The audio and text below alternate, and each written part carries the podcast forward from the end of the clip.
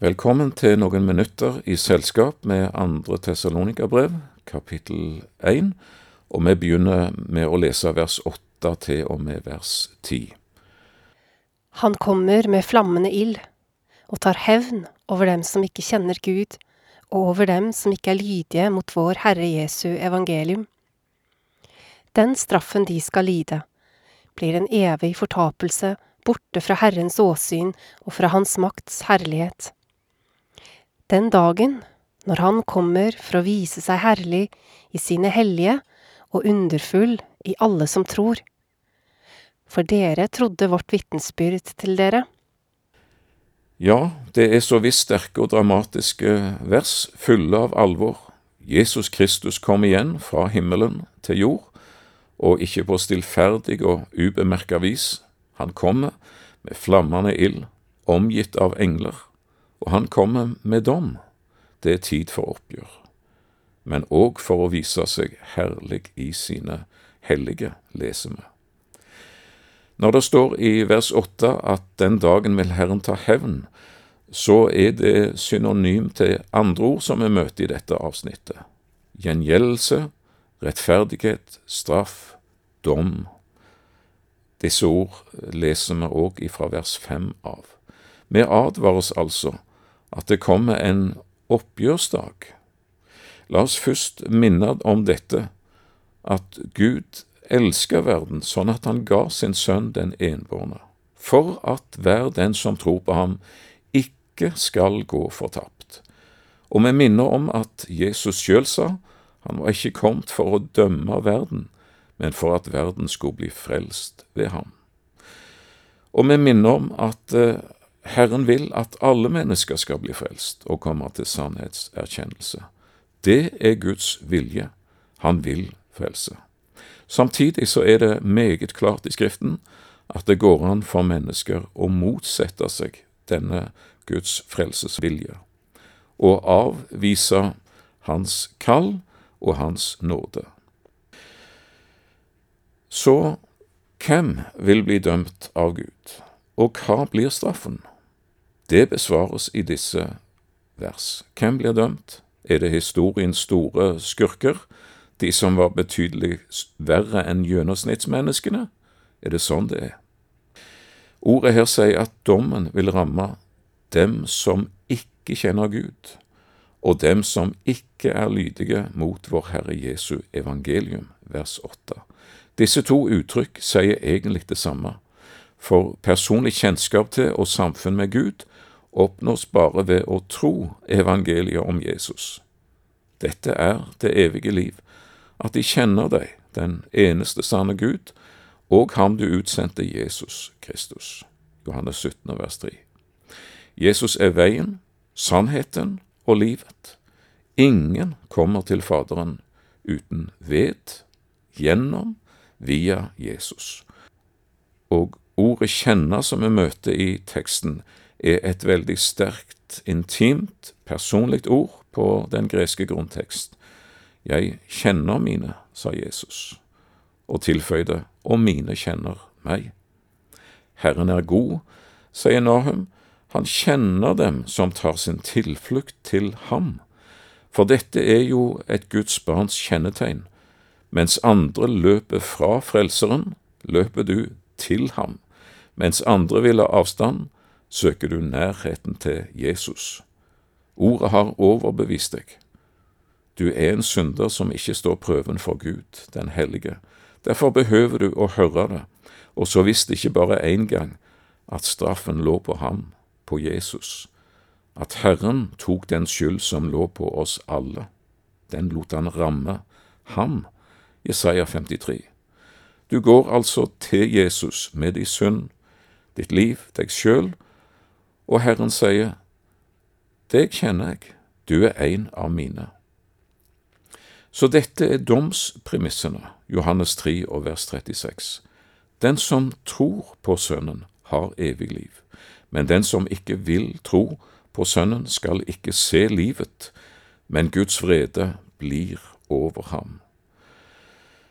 Dommen fra Gud over menneskene er faktisk ikke basert på antall synder eller størrelsen på disse. Det er et objektivt faktum at verdens samlede syndebyrde er allerede betalt av én mann på et blodig kors, av Guds sønn. Så det er ei åpen dør for alle, fordi én er død for alle. Det står en eh, bemerkelsesverdig beretning i første Samuels bok, kapittel to. Der handler det om ypperste presten Eli, som hadde ustyrlige, umoralske og egoistiske prestesønner. De stjal, de bedro, de forførte kvinner, og de turte fram, og de brukte religion som skalkeskjul.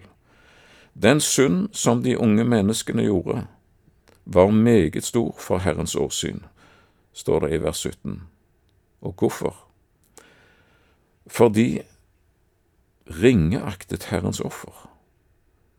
Det var selve synden i alle deres synder. Det var ringeakten for Herren og Hans hellige offer. De brydde seg ikke.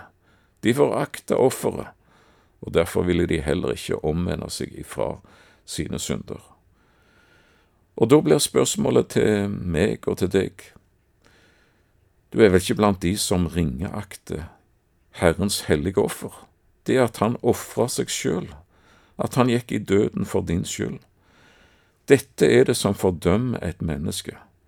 Dommen vil ramme dem som ikke er lydige mot vår Herre Jesus evangelium, de som ikke tok imot Jesus som frelser og Herre, enten det var fordi de var likegyldige, feige, eller hva det måtte være som gjorde at de syntes de hadde ikke bruk for dette. De brydde seg ikke. Det er vel sånn at uh, det er mange som ikke ser på dette som en stor sak, og sier nei til, til Herren, som en meget provosert mann sa til meg ved en anledning når vi snakker om dette, skal jeg gå fortapt bare fordi jeg ikke tror på Jesus? spurte han. Han fikk det til å høres ut som det var en bagatell. At Guds sønn har kommet, at Guds sønn har gitt seg sjøl, har ofra alt, gått i døden for de skyld, for å gi deg evig frelse, og så svarer mennesket at det er en bagatell, jeg bryr meg ikke om det. Jeg trekker på skuldrene over dette. På hva annet grunnlag skal mennesker gå fortapt enn dette, at en faktisk ringeakter Herrens offer? Hebreabrevet 2 og vers 3 spør oss hvordan skal vi da unnfly Guds dom om vi ikke akter så stor en frelse? Og straffa står det om i vers 9 den er evig. Den straffen de skal lide, blir en evig fortapelse, borte fra Herrens åsyn og fra Hans makts herlighet. Det er den evige konsekvens av ulydigheten mot evangeliet. Menneskets valg blir respektert. En avviste Jesus og vil for alltid være uten Jesus, men dermed òg uten hans godhet, hans eh, gode gaver, Hans makts herlighet, som det står om. Nå er det bare mørket, fortvilelsen, natten, smerten tilbake, en evig fortapelse, borte ifra Herrens ansikt. Herren har altså forlatt mennesket, fordi mennesket ba Herren å forlate dem. Og det er alvoret med å være et menneske, det er evighetsalvoret at det får en evig konsekvens å forbli i en tilstand der en avviser Jesus og svarer nei takk til hans frelse. Ulydighet mot evangeliet. Men hva så med de som var lydige mot vår Herre Jesu evangelium? Her er det store kontraster. Herren kommer, vers 10. Altså, Jesus kommer for å vise seg herlig i sine hellige og underfull i alle som tror. Da skal altså Jesus synes i all sin herlighet og sin underfulle storhet i de troende. Vi skal bli ham like, for vi skal se ham som han er. og Jesus får æren for dette. Ja, vi ønsker å leve til ære for Jesus. Vi kjenner på at eh, en svikter så veldig ofte, og at en kommer til kort. Eh, synd henger fast, og fall er en realitet. Men vi vet at en dag skal synd og syndenatur måtte gi slipp, og da skal det lyse virkelig av deg. I all evighet skal du leve til ære for Jesus, og i all evighet skal Jesus bare ha glede av deg. En bibeloversettelse oversetter det sånn alle hans hellige skal gjennomlyses av hans herlighet. En annen bibeloversettelse sier han skal bli beundret i alle dem som tror. Og dette fordi dere trodde vårt vitnesbyrd til dere, vers 10. Vitnesbyrdet om Jesus. Ved tro blei vi frelst, og ved tro blir vi bevart. Nå vandrer vi i tro. En dag skal vi se. Vi skal få oppleve å se Herren og leve i sammen med Han for evig tid.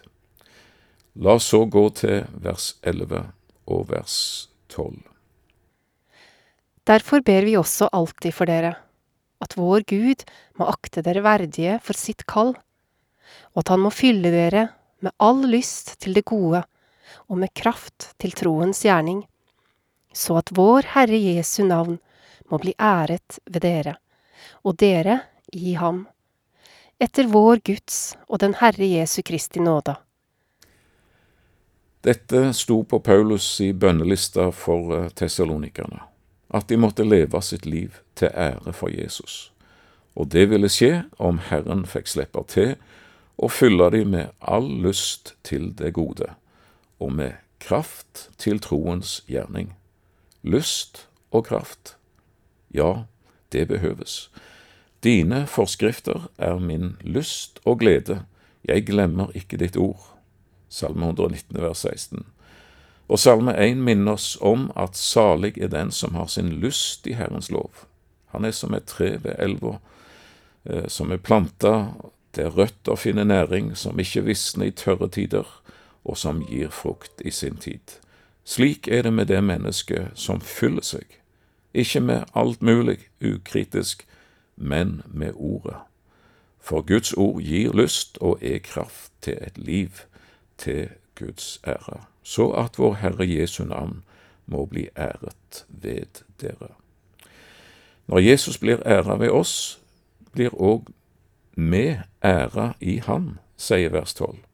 I første Samuels bok kapittel 2 og vers 30 sier Herren, Den som ærer meg, vil jeg ære. Herren glemmer aldri det som ble gjort og sagt til ære for Jesus, og alt dette er nåde, for vi får det ufortjent etter vår Guds og den Herre Jesu Kristi nåde. Slik avslutter vers 12, og sånn slutter òg vi i dag.